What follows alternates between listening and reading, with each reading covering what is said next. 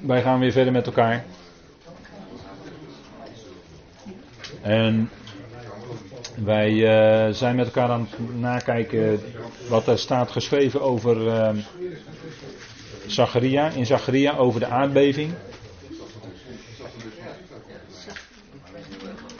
En er staat in Zacharia, wij lezen Zacharia, wij lezen in Zacharia over de aardbeving. En Zacharia is altijd mooi, hè? Uh, vind ik altijd een mooie naam. Dat ja herinnert zich, hè? Yahweh herinnert zich. Herinnert zich zijn belofte, denk ik dan altijd. Dat betekent de naam Zacharia, hè? Komt van het Hebreeuwse zakar. Dat betekent herinneren.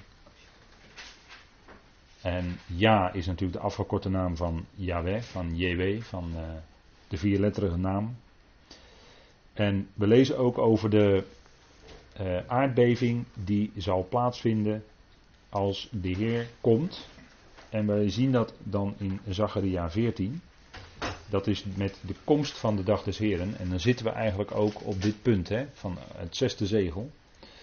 Uh, wat dus eigenlijk ook tegelijk het einde markeert van de laatste jaarweek van Daniel, van de 70ste jaarweek van Daniel. En daarin staat ook dat de stad Jeruzalem zal verwoest worden. dat hebben we regelmatig aangehaald. En dat is toch een andere toekomst dan dat veel mensen vandaag aan de dag denken.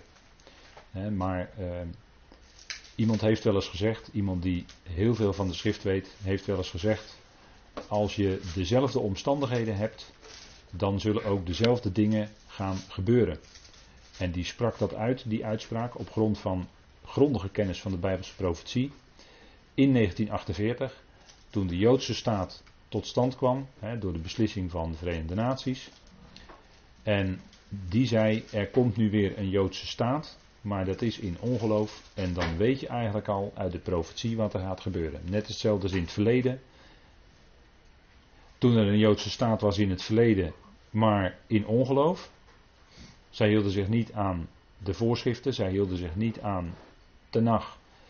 En wat kwam daarop? Het gericht. Wat betekende dat? Wegvoering, eerst van de tien stammen, door de Assyriërs en later de twee stammen, in verschillende fases.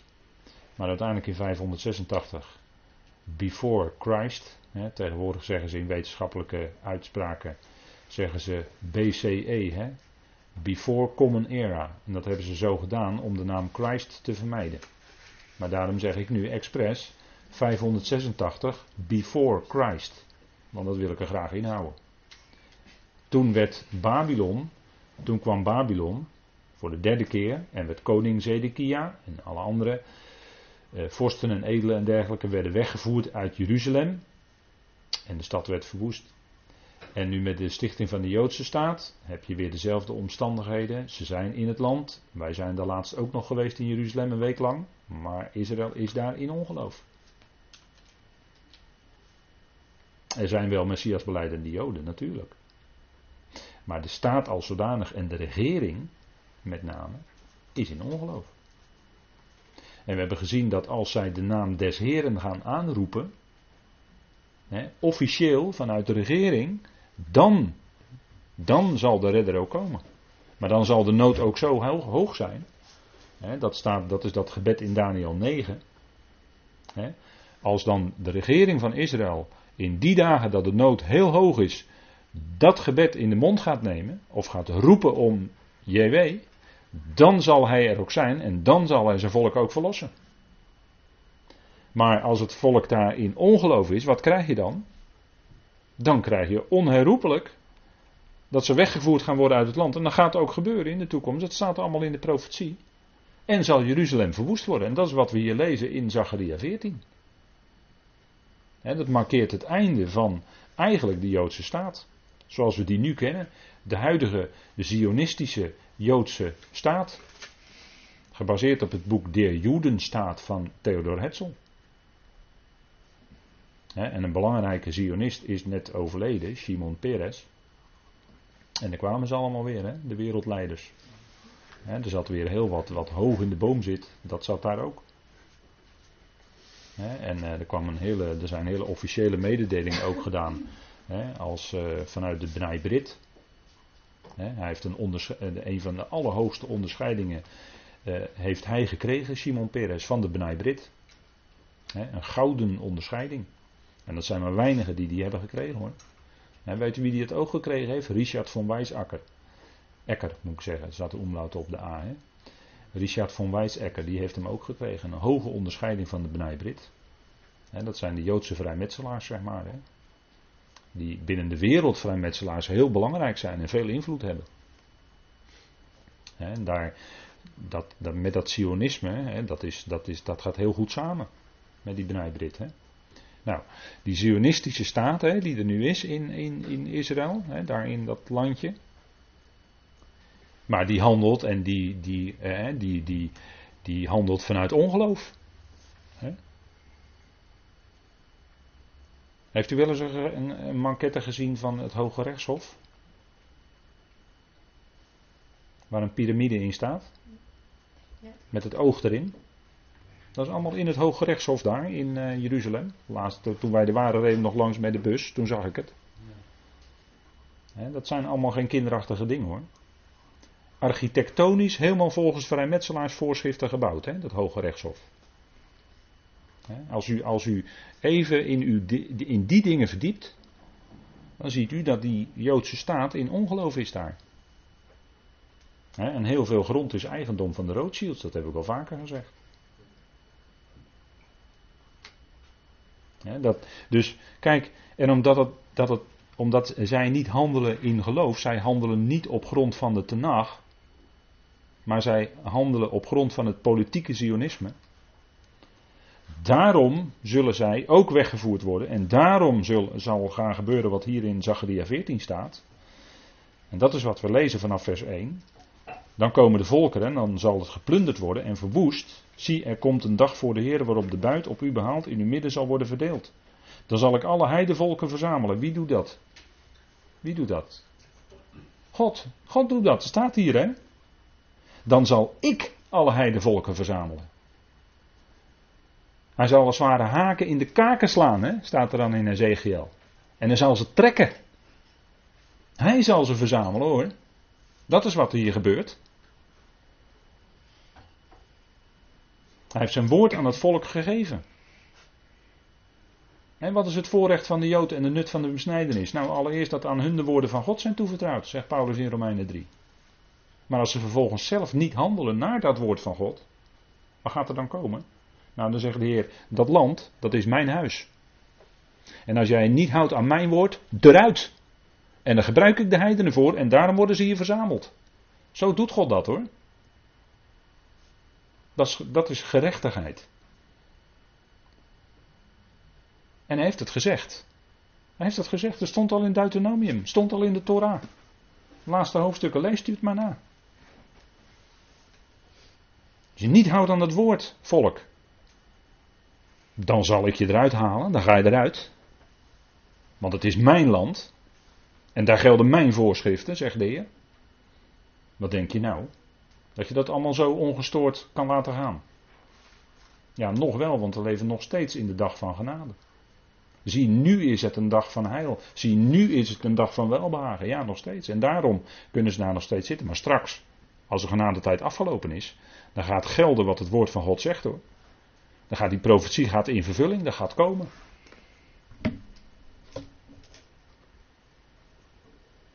En dan kunnen er zoveel mensen zijn die roepen vrede, vrede zal het zijn over Jeruzalem. Nou, dat was in de tijd van Jeremia ook al zo hè. Maar Jeremia zei nee, komt geen vrede. Jeruzalem gaat verwoest worden. Hij werd erom in de gevangenis gegooid, onderin hè. Maar het gebeurde wel zo hoor, zoals Jeremia gezegd had. En dan waren er 10.000 profeten die zeiden vrede. Jeremia zei wat er stond geschreven. Jeremia zei wat hij gehoord had van God. Die zei de waarheid. En zo, zo kwam het ook, zo ging het ook. Nou, zo, dat is vandaag aan de dag niet anders hoor. En dit is wat profeten hebben gezegd. En daar zouden we zeer serieus naar kijken. Dat zouden we bijzonder waardevol achten. De waarheid. Dit is wat gaat gebeuren. zie, er komt een dag voor de Heer. En dan zegt hij, dan zal ik alle heidevolken verzamelen voor de strijd tegen Jeruzalem. Waarom? Hebben we net gezegd. De stad zal ingenomen worden. De huizen zullen geplunderd worden. De vrouwen zullen verkracht worden. Verschrikkelijk. De helft van de stad zal in ballingschap wegtrekken. Maar het overige van het volk zal niet uitgeroeid worden uit de stad. Ziet u het? Ballingschap, hè? Ballingschap. Het is de herhaling van vroeger. Toen ze in Babylonische ballingschap gingen. Het gebeurt straks precies hetzelfde.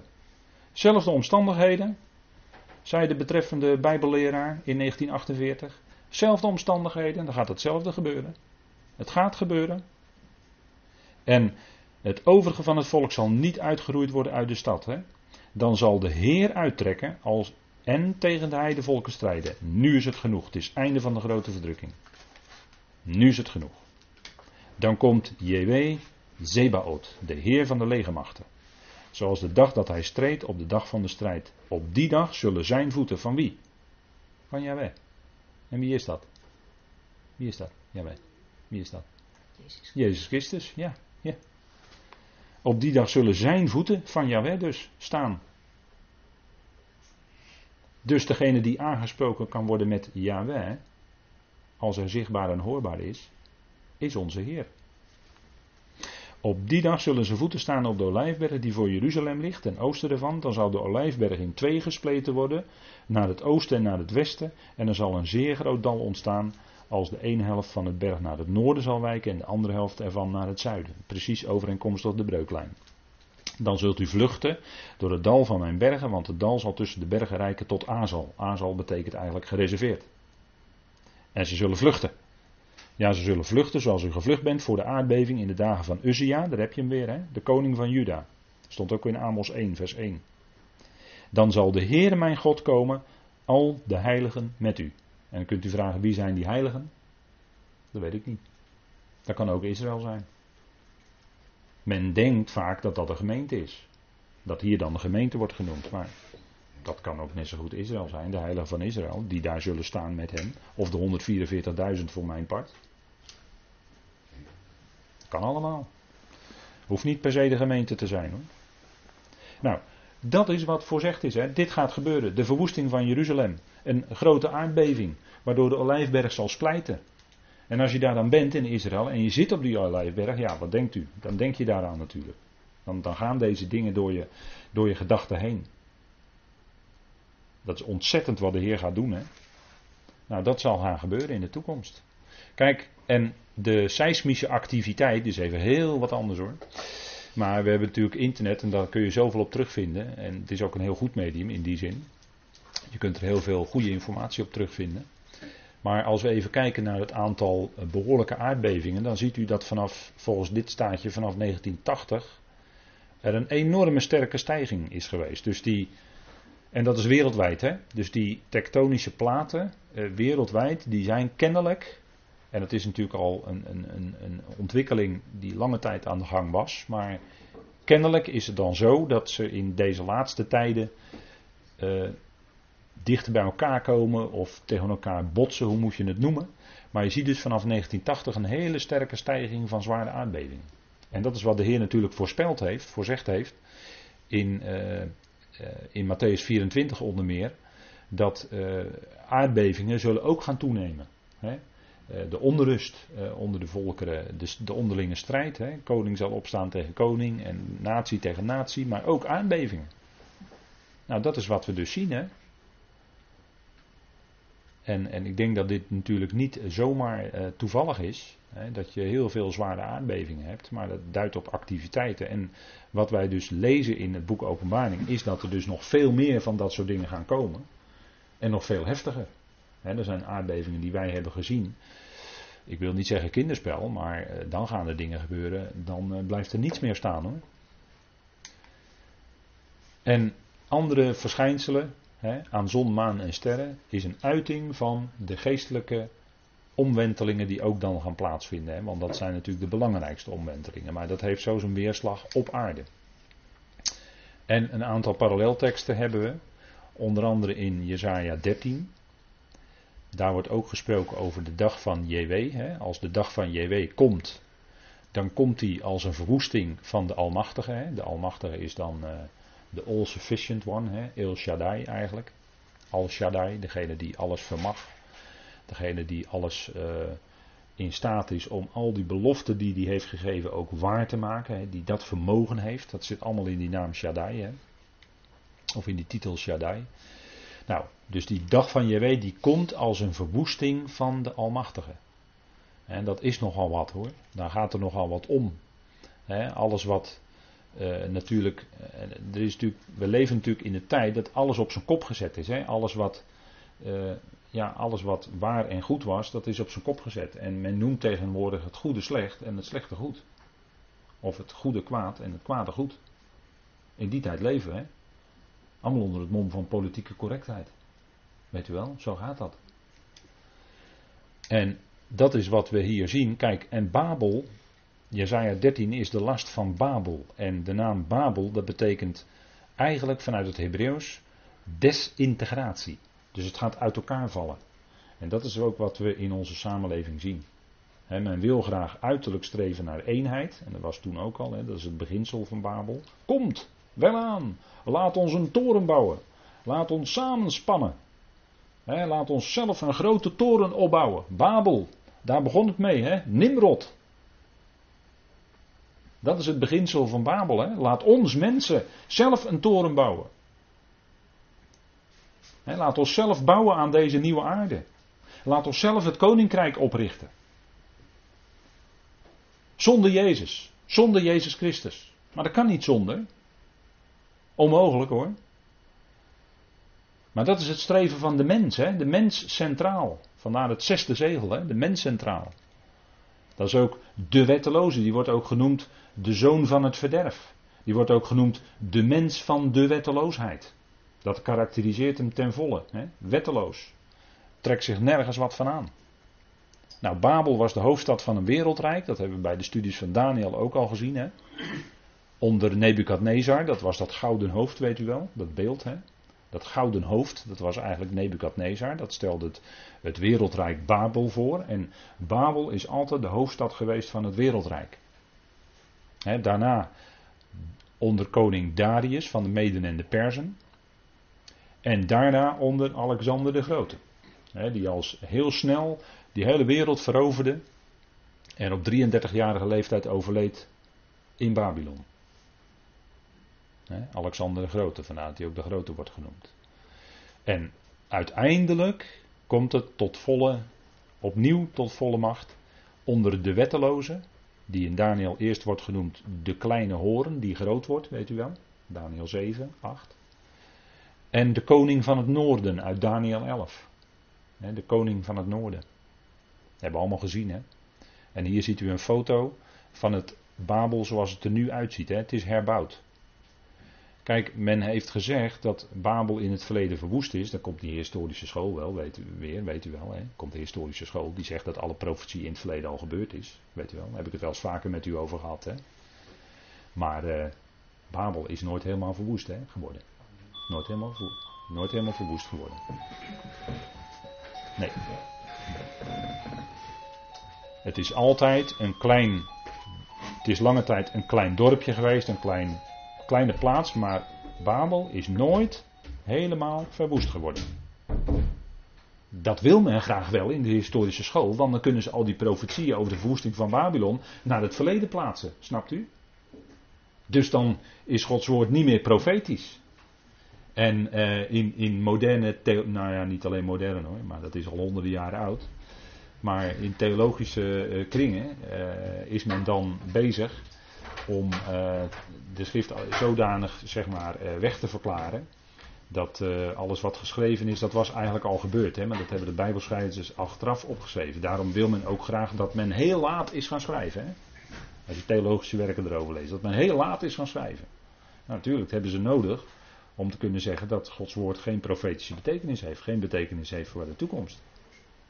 Alleen hier en daar zitten er wat hiaten in. En dat is dan jammer. Want dan klopt het eigenlijk het hele verhaal niet meer. Hè? Dan is het net een kaartenhuis, weet je wel. Dan trek je één kaartje uit en dan stort de hele zaak in elkaar. En zo is het met die mensen ook. Hè, die doen hoog, graag aan hogere schriftkritiek, weet u wel. Maar ik zal u daar niet mee vermoeien hoor, met die hoge, want je wordt er alleen maar inderdaad heel moe van. Hogere schriftkritiek. Uh, maar het zijn allemaal pogingen, hè, ontmythologisering van de Bijbel en noem maar op, hè, Boeltman, uh, ik weet, ik wie allemaal. Maar dat is allemaal pogingen van de tegenstander om Gods woord onderuit te halen. Dat Gods woord niet meer de waarheid is. Daar is hij altijd mee bezig. Altijd bezig dat woord van God onderuit te halen. Daarom is er altijd strijd rondom het woord. Altijd. Het is altijd hetzelfde liedje. Ik herhaal het maar. maar hij herhaalt misschien tot vervelens toe. Maar zo is hij altijd bezig. En daar, gaat, daar gaat het eigenlijk, uiteindelijk allemaal om. Hè? Maar kijk, Babel is dus weer herbouwd. En uitleggers, zoals bijvoorbeeld ook broeder A.E. nog, die zeiden, in, eh, voor, die zeiden 100 jaar geleden zeiden die dat Babel herbouwd zou worden. Er werd natuurlijk uitgelachen, joh, Babel herbouwd, joh, dat is helemaal niks, joh. Totdat uh, Saddam Hussein in de jaren 70, 80 Babel ging herbouwen. En dat hadden de broeders al gezegd, hè, op grond van het profetisch woord hoor. En iedereen die echt dat profetische woord echt serieus nam, want er waren meer die het zeiden. Al in, al in de 19e eeuw zeiden ze dat ook al. Babel zal herbouwd worden, zij ze op grond van profetie. En 100, 150 jaar later, het werd werkelijkheid hoor. Saddam Hussein ging Babel herbouwen. Het is gewoon gebeurd. Kijk, zo betrouwbaar is nou dat woord van God. En wat blijkt dan? Dat God de waarheid spreekt en dat ieder mens een leugenaar is. Precies. Dat heb je ook in discussiegroepjes. Dan heeft iedereen zijn eigen waarheid. Nou, niet eigen waarheid hoor. Dan is het wat anders geworden. Maar kijk, Profetie, daar kun je van op aan, dat wordt vervuld. Mensen die echt de schrift gewoon volgen, die zeggen dat en dat gaat gebeuren. En het is alleen een kwestie van tijd en het gaat gebeuren. Waarom? Omdat je God betrouwbaar acht. God is waarachtig, zegt Paulus toch in Romeinen 3. En ieder mens leugenachtig. Dat staat er toch? En dat vinden mensen dan soms niet prettig om te horen, maar dat komt omdat ze de waarheid niet willen horen. want dan komt aan het licht dat jij misschien niet altijd met die waarheid hebt gezeten, maar eigenlijk misschien die waarheid een beetje van je afhield. Totdat God het licht laat doorbreken in je leven. Babel, hè, het is herbouwd. Oud schilderij van Breugel, u kent dat wel. Die had er trouwens meerdere over Babel geschilderd hoor. Je had een uh, schilderij van een kleine toren van Babel en een schilderij over een grote toren van Babel. En dit is de grote. En dat is ook wat de mens graag wil zijn. Groot wil grote bouwwerken, zo hoog mogelijk. Hè, in deze tijd ook. Ga maar eens uh, googlen. Op hoge gebouwen. Nou, dan is er altijd wel weer. Er is een heel hoog gebouw al ergens. Maar dan komt er in een ander land. Gaan ze weer een nog hogere toren gaan ze bouwen. Weet u wel? Dat is typisch het streven van de mens. Zelf zo hoog mogelijk opbouwen. dat, eh, en dat is natuurlijk zo'n bouwwerk, zo'n letterlijk bouwwerk van cement, is natuurlijk beeldspraak voor wat de mens zelf graag wil bouwen. Die wil zelf graag zijn eigen koninkrijkje bouwen namelijk. En een ander woord voor koninkrijkje kan je ook zeggen is organisatie. Zelfs een eigen organisatietje bouwen. Dus allemaal in feite in de kiem is dat beginsel Babel. In de kiem hè. Want in de kiem ligt daar al desintegratie. Dat is wat het woord zegt. En we zien hier de, de, de gerichten over de volkeren. Hè? Het begint bij Babel, want Babel zal straks weer aan de top staan van de volkeren. En ooit is het ook begonnen bij Babel. Vandaar dat de eerste profetie over gerichten in Jezaja gaan over Babel. Dat kon eigenlijk niet anders. Hè? En ook over de koning van Babel trouwens, Jezaja 14. Dat gaat niet over de Satan, maar dat gaat over de koning van Babel. Dat is een man, een mens, staat daar. Staat niet dat het daar om geest gaat. dat wordt er altijd ingelegd dat Jezaja 14 zou gaan over de val van Satan. Nee hoor, dat gaat er helemaal niet over. Het gaat over de koning van Babel. Die wordt daar gewoon gezegd dat het de man is. En ik acht dat betrouwbaarder, wat daar staat, wat ik nu net aanhaalde, acht ik betrouwbaarder dan al inleg. Nou, de Filistijnen, hè? de Palestijnen, hè, die worden dan genoemd in uh, 14, hè, Jezaja 14, vers 28 tot 32 met als leider, u weet wel, leiders, Abbas. Die was trouwens ook op de uitvaart van uh, Peres. Was, Abbas was er ook. Maar die is, uh, als, ik het, als mijn informatie goed is, is die ook vrijmetselaar. En dat verbaast me niks, want uh, de huidige koning van Jordanië is dat ook. Dat is ook gewoon vrijmetselaar. Zijn gewoon allemaal, horen ze bij die club. En dan krijg je de, de profetie over Damascus, Syrië. Nou, ga er, maar, ga er maar aan staan. Hè. Misschien gaat het nu al wel in vervulling, Syrië. Zou, zou zomaar kunnen, Damascus. Hè. Aleppo wordt verwoest. Syrië ligt in uh, hè, allemaal revoluties.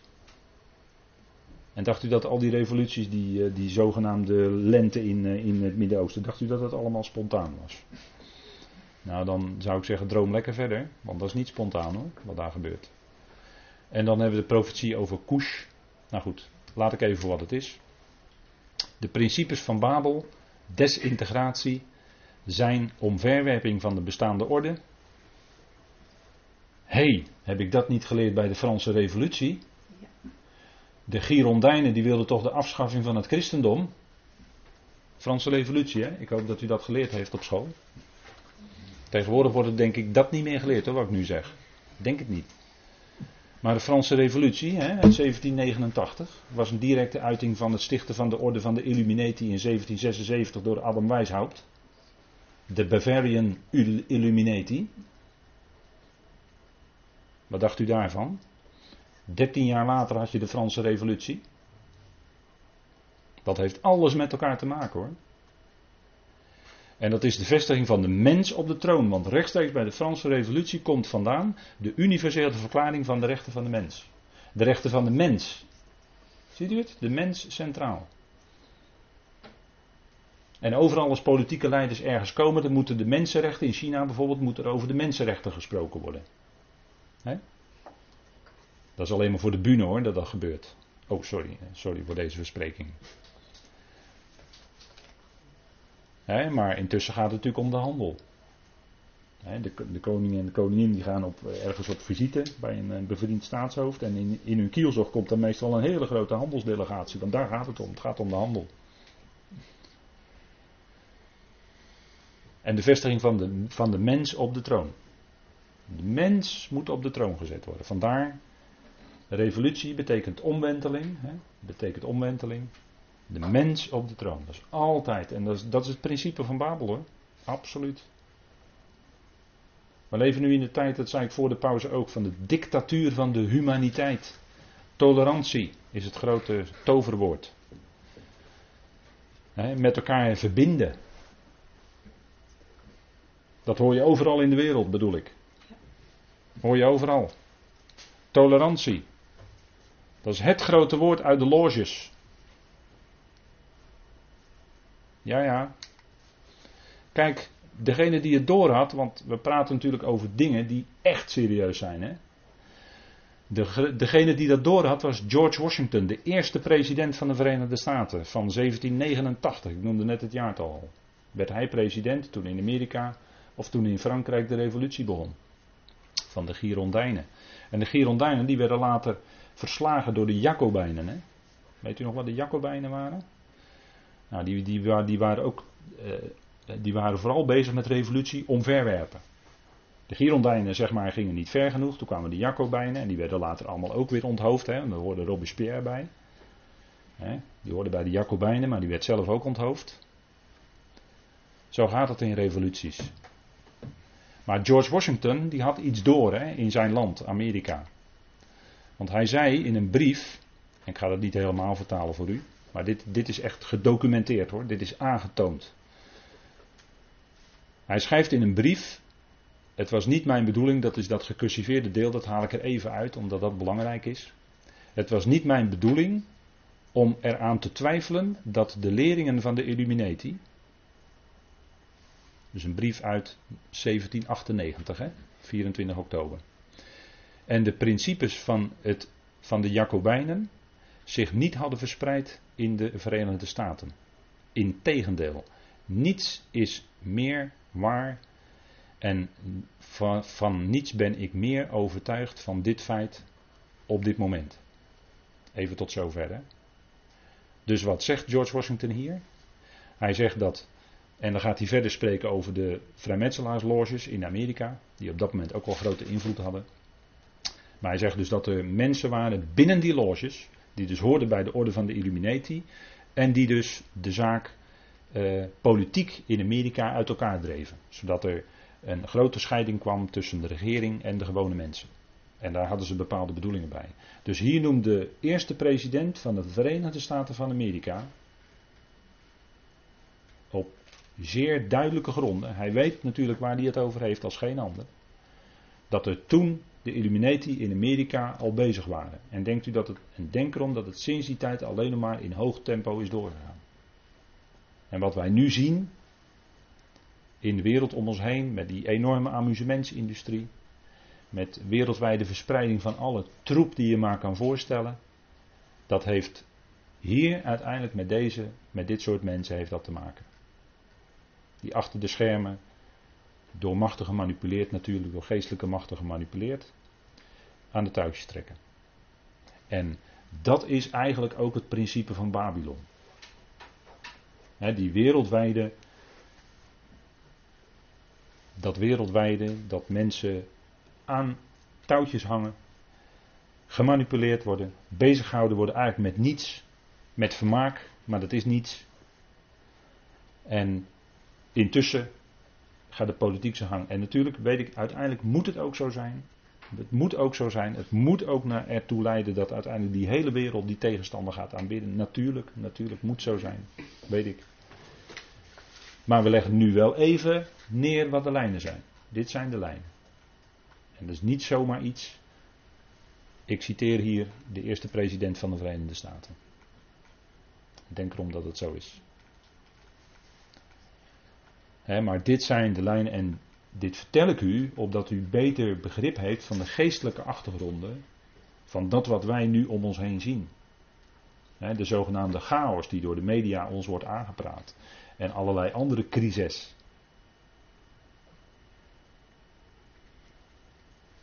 waarvan ook soms laten even per ongeluk, nou ja, misschien niet, maar naar buiten komt dat er, dat er bewust is, dus met cijfers is gemanipuleerd. Bijvoorbeeld als het gaat om het milieu.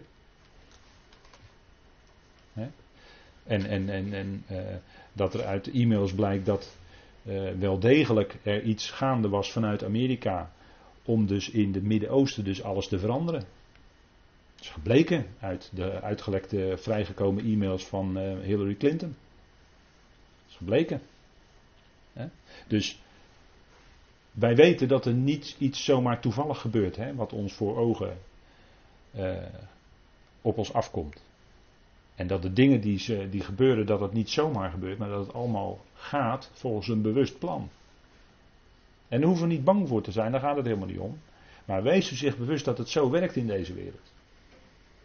En dat Gods woord betrouwbaar is en dat dit allemaal te maken heeft met Babel. Babel moet de hoofdstad van die eindtijd worden. En Babel is desintegratie. Alles wordt van elkaar losgemaakt. Alles is al van elkaar losgemaakt. wat, dacht u, wat dacht u van het huwelijk? Juridisch gezien, ik zeg juridisch gezien, in Nederland, eigenlijk bestaat het huwelijk niet meer. Denk er maar eens over na.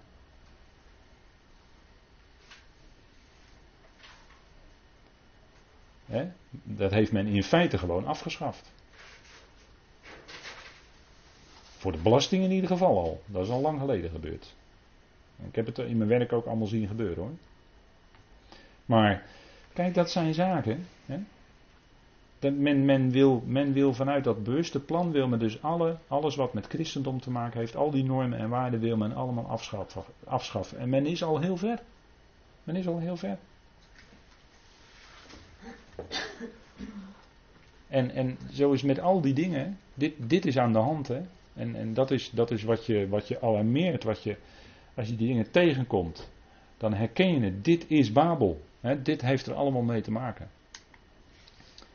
En, en natuurlijk, we hebben die geweldige verzekering dat God het allemaal zal rechtzetten. En dat gaat hij ook doen. En, dat, en, en als je die dingen, als je daarmee bezig bent, dan, dan word je steeds meer bewust dat het hoog tijd wordt dat hij dat ook gaat doen. Dat het hoog tijd wordt. Dat het al zo ver gevorderd is allemaal. Nou, dat is ook wat in Jezaja staat. Hè? Jezaja 24, dat is ook zo'n uh, paralleltekst. Maar um, laten we eerst nog heel even kijken in, uh, in Jezaja 13. Jezaja 13.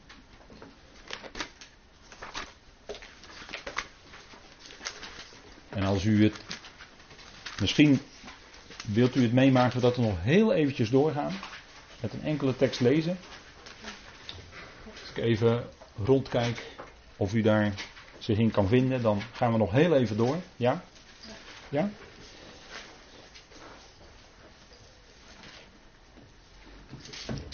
Jezaja 13 vanaf vers 6. Want dat is een paralleltekst met ons gedeelte uit Openbaring 6. Weeklaag, want de dag van JW is nabij. Als een verwoesting van de Almachtige komt hij, daarom zullen alle handen slap worden en elk hart van stervelingen zal wegsmelten. Ze zullen verschrikt worden, smarten en weeën zullen hen aangrijpen. Zij zullen in één krimpen als een barende vrouw. Zij verbijsterd zullen zij elkaar aanstaren, hun gezichten zullen vlammen. Zie, de dag van de Heer komt. Medoogloos met verbolgenheid en brandende toren, om van het land een woestenij te maken en zijn zondaars eruit weg te vagen. Ziet u het?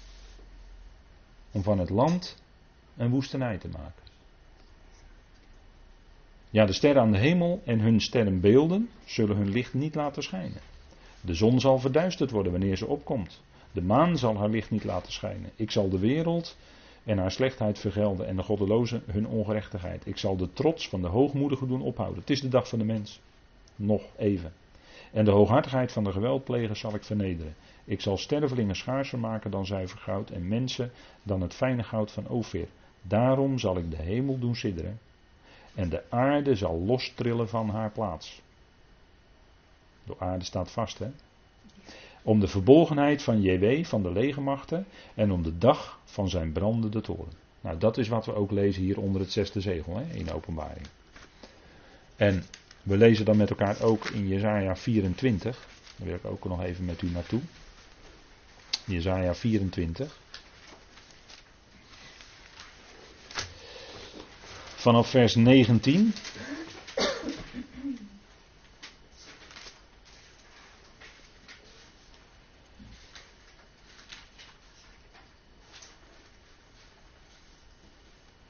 Scheuren, open scheuren zal de aarde. Splijten, open splijten zal de aarde. Vervaarlijk wankelen zal de aarde. Hevig waggelen zal de aarde als een dronkaard. Zij zal heen en weer slingeren als een nachthutje. Haar overtreding zal zwaar op haar drukken. Zij zal neervallen en niet meer opstaan. Op die dag zal het gebeuren dat de Heer van de legermachten, en ik zal hem even bijnemen, want ik heb hem op deze dia ook gezet. Op die dag zal het gebeuren dat JW zal roepen tot rekenschap.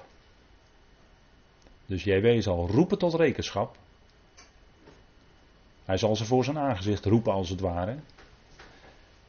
Ten eerste de legermacht van de hoogsten van de hoogte. De legermacht van de hoogsten van de hoogte, dat is eigenlijk de geestelijke machten. Hè? de legermacht van de hoogsten van de hoogte, en de koningen van de aardbodem op de aardbodem. He, er staat twee keer dat Adama. De koningen van de aardbodem op de aardbodem. Dus zowel de hemelse hiërarchie, de hemelse leiders, regeerders zeg maar, als de aardse, de koningen van de aardbodem, die zullen tot rekenschap geroepen worden door JW. En ze zullen verzameld worden, gevangen in een crypte, dus in een donkere, donkere plaats. En ze zullen opgesloten worden in de gevangenis. En hier zien we dus eigenlijk dat de Heer al die geestelijke leiders, zeg maar, dus de hemelse geestelijke machten, leiders, voor zich zal roepen tot rekenschap. En de aardse, de koningen. Dus zowel de hemelse vorsten, om het zo maar te zeggen, als de aardse. En dat, dat geldt denk ik ook als je leest bij Paulus hè, in 1 Korinthe 2. Dat als zij zouden geweten hebben van de wijsheid van God. En dan gaat het over die machten, hè, over die vorsten die Paulus dan daar noemt. Hè, de regeerders van deze eon dan zouden zij de Heer van de heerlijkheid niet gekruisigd hebben, staat er dan. En we vragen ons altijd af of het dan gaat om hemelse machten daar of om aardse. Ik denk allebei. Ik denk allebei. Want ze hadden allebei een heel aandeel in de kruisiging van onze Heer. Die aardse machthebbers werden namelijk aangezet door geestelijke machten die hen manipuleren. De menigte werd door geestelijke machten aangedreven toen ze riepen: kruisigt hem. En zo dacht de geestelijke machten dat zij de zoon van God, nu eenmaal gekruisigd was en gedood, dat ze van hem af waren. En dat is altijd wel eens een beetje moeilijk, vind ik, als, uh, als men passiespelen opvoert. Want het eindigt altijd met het sterven van de Heer Jezus. Hè? Ja, dan denk je toch van ja, maar er komt nog wat na. Er komt nog wat na. En wij weten die geweldige betekenis die het heeft. Maar er komt nog wat na. Hè? Dat heeft pas echt zijn volle betekenis in de opstanding. Het is kruis en opstanding, allebei. Kan je niet van elkaar loskoppelen. Maar kijk, met, met al die passiespelen rond Pasen wordt het wel losgekoppeld en wordt alleen de kruisiging uitgebeeld. En aan het eind is de Heer Jezus dan gestorven. En ik proef daar toch iets in soms. Maar goed, dat is misschien mijn idee. Maar kijk, regeerders die worden hier door de Heer, en dat is het einde van de boze eon, worden door de Heer ter verantwoording geroepen. Worden erbij geroepen. Rekenschap geven.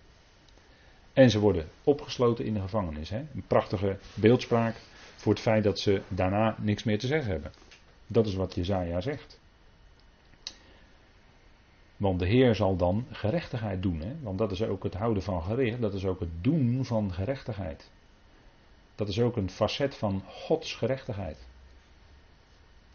En Gods gerechtigheid is eigenlijk weer een, een vast bestanddeel, zou je kunnen zeggen, van zijn liefde. Daar hoort het bij.